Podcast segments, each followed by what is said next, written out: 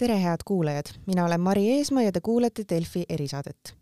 parasjagu käib rahvaloendus ja veel mõned päevad ehk siis laupäevani on avatud rahvaloenduse e-küsimustik, millele on oodatud vastama kõik Eesti inimesed. kui palju meid on, miks on üldse tarvis inimesed kokku lugeda, sellest räägime täna saates Statistikaameti juhtivanalüütiku Terje Trasbergiga, tervist! tere! No alustuseks ma küsikski kohe, et kui palju meil Eestis siis inimesi on? Äh, esialgsetel andmetel oli Eestis äh, rahvaarv esimese jaanuari seisuga üks miljon kolmsada kakskümmend kaheksa tuhat nelisada kolmkümmend üheksa. Ehk siis ümardatult üks koma kolm miljonit. Ja tegelikult selle ühe koha, ühe koma kolme miljoni peal me oleme olnud juba viimased äh, kakskümmend aastat. aga võrreldes eelmise aastaga, siis rahvaarv natuke langes, et langes tuhande kuuesaja võrra ja langes ta siis eelkõige just tänu või siis meie väga suure suremuse tõttu eelmisel aastal kas see tuhande kuuesajane langus on selles mõttes märkimisväärne, arvestades meie rahva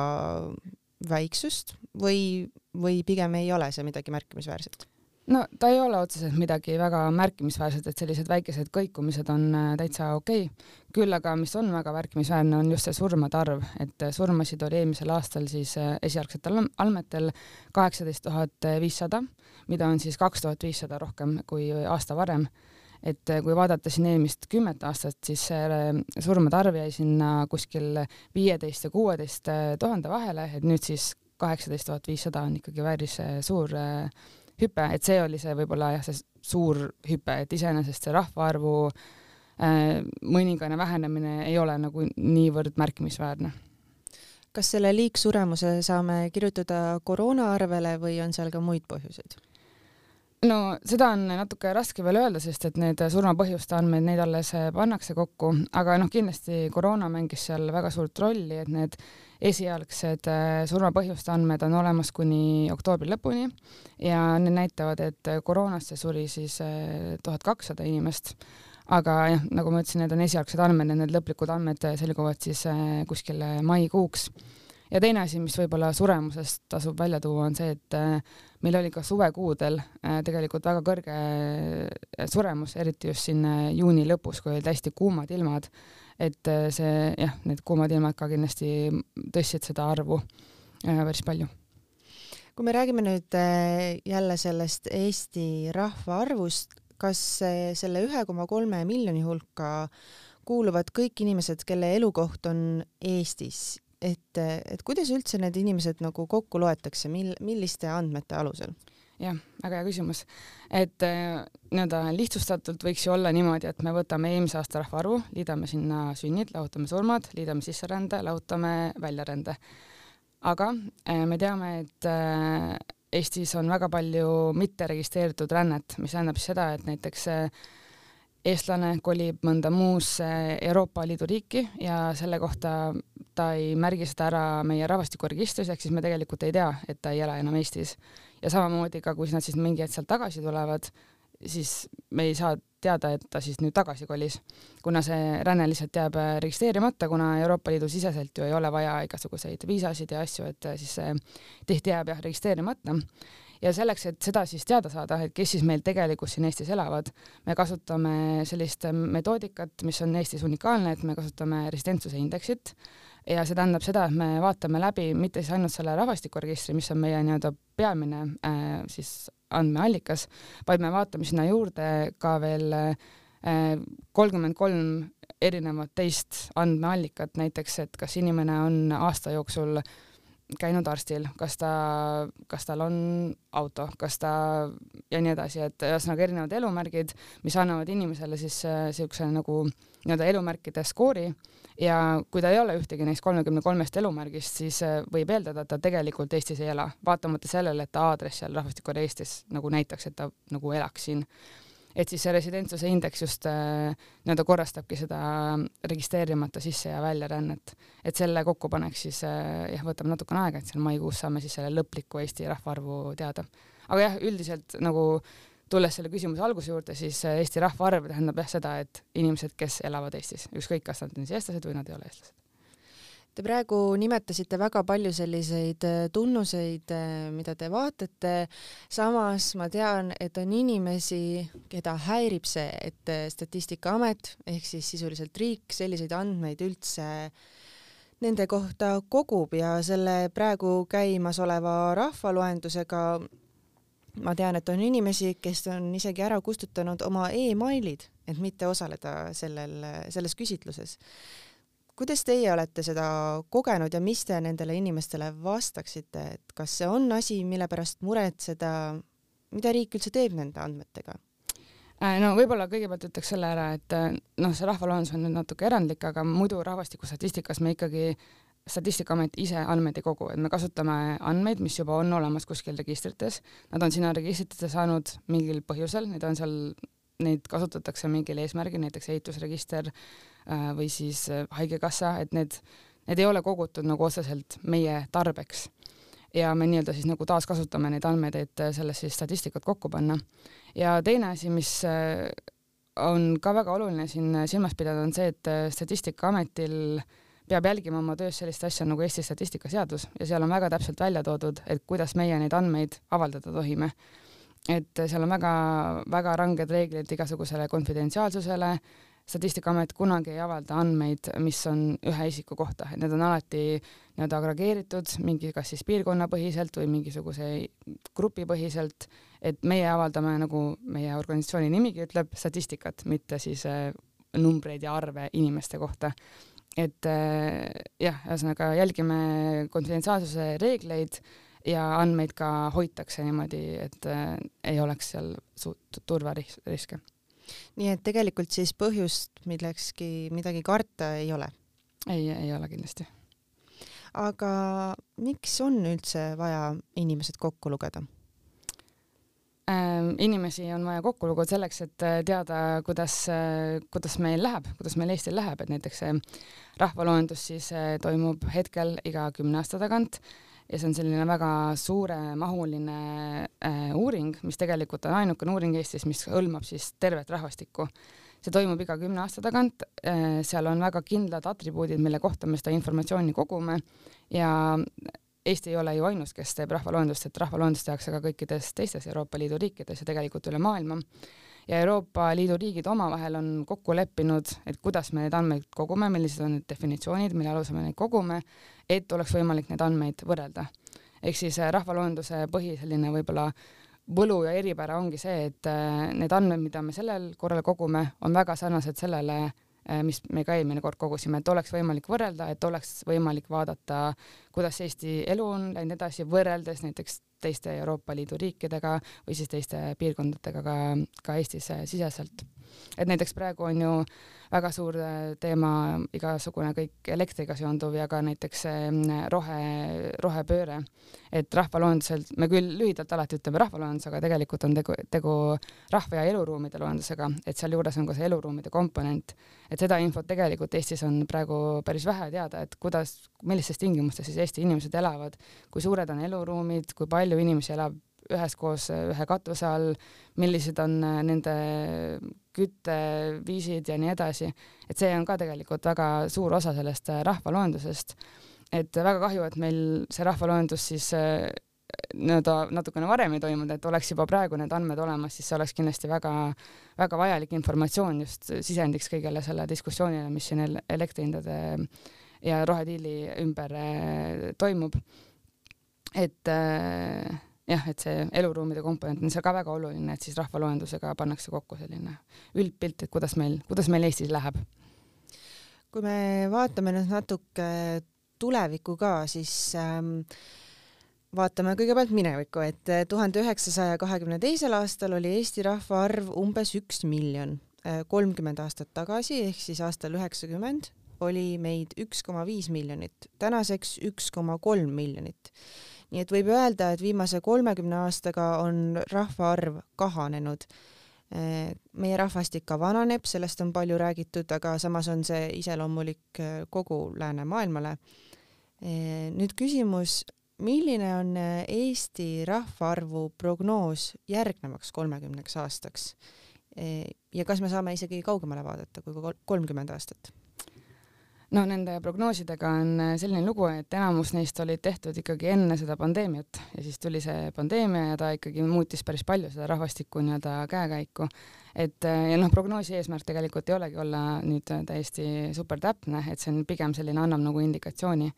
et jah, nagu sa ka ise välja tõid, siis see vananev rahvastik äh, võib viia selleni, et meie rahvaarv ikkagist langeb natukene. aga kui vaadata seda nii-öelda seda rahvaarvu kõverat, siis ta tegelikult viimastel aastatel on ikkagist väga selline nagu natuke nagu stabiliseerunud, et seda langust enam nii äh, nii palju ei ole, kui ta varasemalt oli. ja siin eelkõige siis äh, tasub välja tuua selle, et meie äh, sisseränne ja väljaränne, see rändesaldo on olnud nagu positiivsem, kui võib-olla arvati, kui neid äh, prognoose tehti. et äh, jah, varasemalt siis äh, Eesti oli pigem see riik, kust võib-olla välja rännati, aga alates kaks tuhat viisteist aastast siis äh, Eestisse sisseränne on olnud püsivalt suurem kui Eestist väljaränne, mis tagab selle, et isegi kui meil on loomulik äh, negatiivne iive ja see on meil tõesti väga negatiivne ja siin ka arvatavasti ei toimu väga suuri muutusid äh, lähitulevikus, et nende sündide arv on ikkagist päris madal ja suremus on just selle vananeva rahvastiku tõttu ka päris kõrge, et just siis see rändesaldo, et kuidas see, kuidas see püsib ja kuidas see siin ajas muutuma hakkab, väga palju mõjutab tegelikult meie rahvaarvu. kas ränne, rändesaldo on meil positiivne sellepärast, et kunagi Eestist lahkunud inimesed tulevad tagasi või pigem sellepärast, et et need ongi nii-öelda immigrandid, kes siia jõuavad, välistööjõud ja nii edasi mm,? Need on enamasti ikkagist eestlased, et väga suur osa nii sisserändest kui väljarändest on ikkagi eestlased ise. et selle aasta kohta kahjuks on natuke liiga vara veel öelda, aga eelmis, eelmisel aastal siis eestlasi natuke rohkem jälle läks välja, kui sisse tuli, aga enne siis neid pandeemia aastaid siis oli ikkagi see, et eestlasi tuli tagasi rohkem, kui siit ära lähi, mis, mis oli nagu väga tore trend. et jah, kahjuks selle aasta kohta veel ei oska seda öelda aga jah, vastates küsimusele, siis need e-, enamasti on need ikkagi eestlased, kes siis nii-öelda edasi-tagasi rändavad. Te mainisite ka seda, et äh, siin lähitulevikus tõenäoliselt äh, meie iive positiivseks ei muutu, et äh, et on see siis läänemaailma probleem tervikuna, nagu ma juba mainisin, või see on nagu Eesti mure ja, ja kas on ikkagi nagu võimalust, et, et see võiks ikkagi positiivse poole pöörduda? Äh, no see on olnud Eesti probleem juba väga-väga pikalt, et enne siin äh, kaks tuhat aastal tegelikult, kaks tuhat kaks aastal olid need äh, suremuse ja sündide numbrid väga sarnased, nagu nad on sellel aastal. ja siis, siis väga palju siis tulid erinevad emapuhkused ja sellised määrused ja toetused ja siis tegelikult kaks tuhat kümme aastaks saadi korraks see äh, loomulik iive ka positiivseks, ta oli küll nagu hästi napilt positiivne ja hästi korraks, aga sellegipoolest. ja peale seda ta hakkas jälle langema, et siin, kui vaadata meie rahvastikupüramiidi, siis need nii-öelda järgmised põlvkonnad on natuke väiksemad, siis neid nii-öelda noori naisi, kes neid lapsi saab siia juurde sünnitada, jääb ka aina vähemaks. Et jah, siin siin seda loomulikku liivel oodata seda, et ta nüüd, nüüd äkitselt positiivseks muutuks, seda siin vist küll lähi, lähitulevikus me ei näe. kas negatiivse iive puhul mängib rolli ka see, et meie naised sünnitavad üha vanemana äh,? jah, kindlasti. et see esma, esimese sünnituse vanus on siis liikunud tänaseks äh, kahekümne kaheksa aastased, kakskümmend kaheksa koma kaks on äh, naised tavaliselt siis, kui nad, keskmiselt siis, kui nad oma esimest last sünnitavad ja keskmine siis sünnitamisvalus on kolmkümmend koma kuus. et need numbrid on natukene madalamad, kui on Euroopa keskmine, et äh, siis niimoodi Lääne-Euroopas need äh, sünnitusvanused on tegelikult veel kõrgemad kui meil, mis võib-olla on ka mõnes mõttes meie eelis, et me saame vaadata nii-öelda, mis meetmetega seal mujal riikides äh, nende probleemidega siis toime tullakse siis võib-olla nende järgi ka ise juunduda kui me tuleme nüüd korraks tagasi selle liigsuremuse juurde, siis ähm, võib arvata või eeldada ja te mainisite seda ka, et koroonal on ilmselt selles oma osa. Ähm, me siiski nüüd loodame, et koroonapandeemiaga ehk saab varsti enam-vähem ühele poole, ega seda ennustada on ju väga-väga raske ja ei tahakski seda teha. Aga kui nüüd koroona välja jätta, siis äh, kas on nagu veel põhjuseid, miks meil võiks olla liigsuremus või et kas see võib ka järgmistel aastatel jätkuda? Ehm, no siin ei ole neid esmasi, siin ei ole neid surmapõhjuste statistikat ei ole veel valmis või seda ei ole veel olemas. et on olemas es, esialgne statistika kuni oktoobrikuuni ja see siis näitab, et jah, koroonasurmasid oli tuhat kakssada oktoobrikuu seisuga, aga kõikides teistes äh, surma siis põhjuse kategooriates ikkagi surmajuhtumite arv äh, suurenes. Et äh, kuidas järgmisel aastal äh, edasi läheb, seda on väga raske ennustada, et siin väga palju jah, sõltub sellest äh, pandeemiast. Ja noh, üks asi on ju need koroonasurmad, aga teine asi ja siin kindlasti oskavad minust väga palju paremini anda kommentaare tervishoiueksperdid,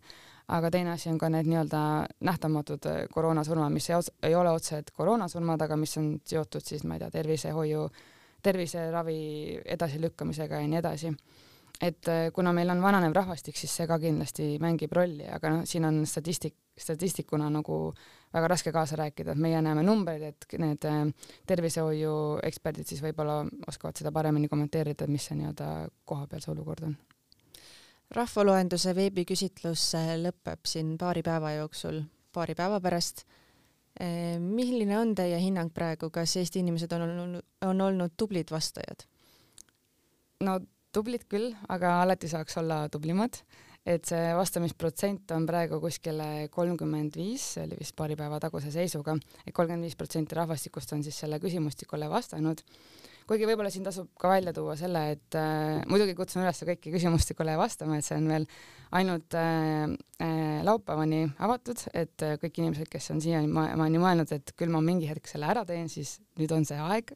see võtab aega ainult äh, viis minutit, et siia võrdluseks toon näiteks, et äh, kümme aastat tagasi, kui viimati toimus rahvaloendus, siis äh, selle küsimustikule vastamine võttis aega viiskümmend üks minutit ja siis Eesti tegi maailmarekordi ja vastas seitsekümmend protsenti eestlasi, vastas siis äh, veebis ära. seekord võtab küsimustikule vastamine aega neli minutit ja me oleme praegu selle kolmekümne viie protsendi peal. et äh, kindlasti saab paremini ja saab, saab nagu kõrgemale selle protsendi viia. ja võib-olla siin panen ka südamele, et, et kõik perekonnaliikmed, kes on siis üle viieteistaastase vanused, peaksid selle küsimustikule vastama, et me praegu oma esialgsest vastamisstatistikast näeme hästi palju seda, et üks perekonnaliige või üks leibkonnaliige on vastanud, aga teised, teised ei ole, et võib-olla siis mõeldakse, et ah, et tema vastas minu eest, et ma enam ei pea vastama, et see tegelikult nii ei ole, et me ikkagi ootame kõikidelt neid äh, vastuseid. aga jah, see küsimustik tegelikult on ainult selline jäämäe tipp sellest loendusest, et enamus neid loenduse tunnuseid pannakse kokku registrite põhiselt, et kokku meil on eh, viiskümmend kuus loendustunnust ja nendest ainult kuus pannakse kokku selle küsimustikuga. et kõik ülejäänu, näiteks kõik see eluruumide statistika, mis siin juba jutuks tuli, et see pannakse kokku ainult registrite pealt, et seal me tegelikult inimesi nii-öelda ei, ei tülita nende küsimustega, et selle me saame sealt eh, andmetest eh, kätte, et see on esimest korda Eestis, kus nii suuremahuliselt korraldatakse loendus siis ainult registri pealt et siia võrdluseks näiteks Läti ja Leedu tegid ka sellel korral ainult registripõhise loenduse, et neil seda küsimustiku osa ei olnudki. ja noh, Soome, Rootsi, Norra teevad juba mitmendat loendust järjest nagu ainult äh, registri pealt, et see on arvatavasti see nii-öelda loenduste tulevik, kus me hakkame aina enam nii-öelda taaskasutama neid andmeid, mis juba olemas on ja nii-öelda inimeste, inimesi tülitama võimalikult äh, vähe nii et võiks siis öelda, et inimestel on veel äh, viimane võimalus äh, küsimustikule vastata, et võib-olla kümne aasta pärast ei saagi seda teha. jah, ja võib-olla järgmine rahvaloendus tahaks loota, et ei toimu kümne aasta pärast, vaid toimub juba kiiremini. et äh, Euroopas siin käivad ka praegu sellised läbirääkimised, kuna siis kõik Euroopa Liidu liigid teevad koos loenduseid või nagu üheaegselt, et siis käivad siuksed rääk-, läbirääkimised praegu, et, et seda rahvaloendust peaks tegema tihemini, sellepärast et nende andmete väärtus lihtsalt ajas niivõrd kiiresti äh, nagu äh, läheb alla, eriti praegu, kus me elame väga sellises muutuvas ühiskonnas ja et siis neid andmeid oleks natukene tihemini vaja äh, äh, siis äh, kokku, kokku korjata, aga selleks, et me saaksime neid tihemini kokku korjata, siis äh, on ka väga oluline see, et just need andmeallikad, et need registrid oleksid võimalikult hästi korras, et praegu siin selle, selle loenduse käigus on ka väga suur nagu rõhk on läinud just sellele, et need registrid korda saada. ja näiteks ehitusregistri kallal on väga palju töötatud. et äh, see töö kindlasti jätkub ka peale loendust, et need andmed oleksid võimalikult kvaliteetsed ja me saaksime sellist äh, statistikat väga kiiresti toota siis, kui on mingi olukord, kus on seda, seda vaja nii et äh, lõpetuseks võibki siis öelda, et inimesed, minge palun vastama, kas ma saan õigesti aru, et kutset ootama ei pea jääma, seda saab teha internetis? jah, et äh, kutsed küll saadeti välja, kui inimene ei olnud ise juba vastamas käinud, siis saadeti kutsed välja, aga seda kutset ei pea ootama, et minge lihtsalt rahvaloendus.ee lehele, seal jõuate sinna lehele, seal on suur nupp, ütleb alusta, vajuta sinna, logite sisse oma ID-kaardiga või siis kuidas iganes. Ja see küsimustik, nagu ma ütlesin, võtab aega ainult viis, äh, viis minutit. et ei pea ootama mingit kutset, ei pea ootama, et jah, keegi, keegi midagi ette teeks, et lihtsalt sinna sealt rahvaloendus.ee lehelt saab kõik juhised kätte. Igatahes inimesed, minge siis palun vastama, aitäh Terje Trasberg seal nende selgituste eest ja aitäh teile kuulajad, et kuulasite ja kuulmiseni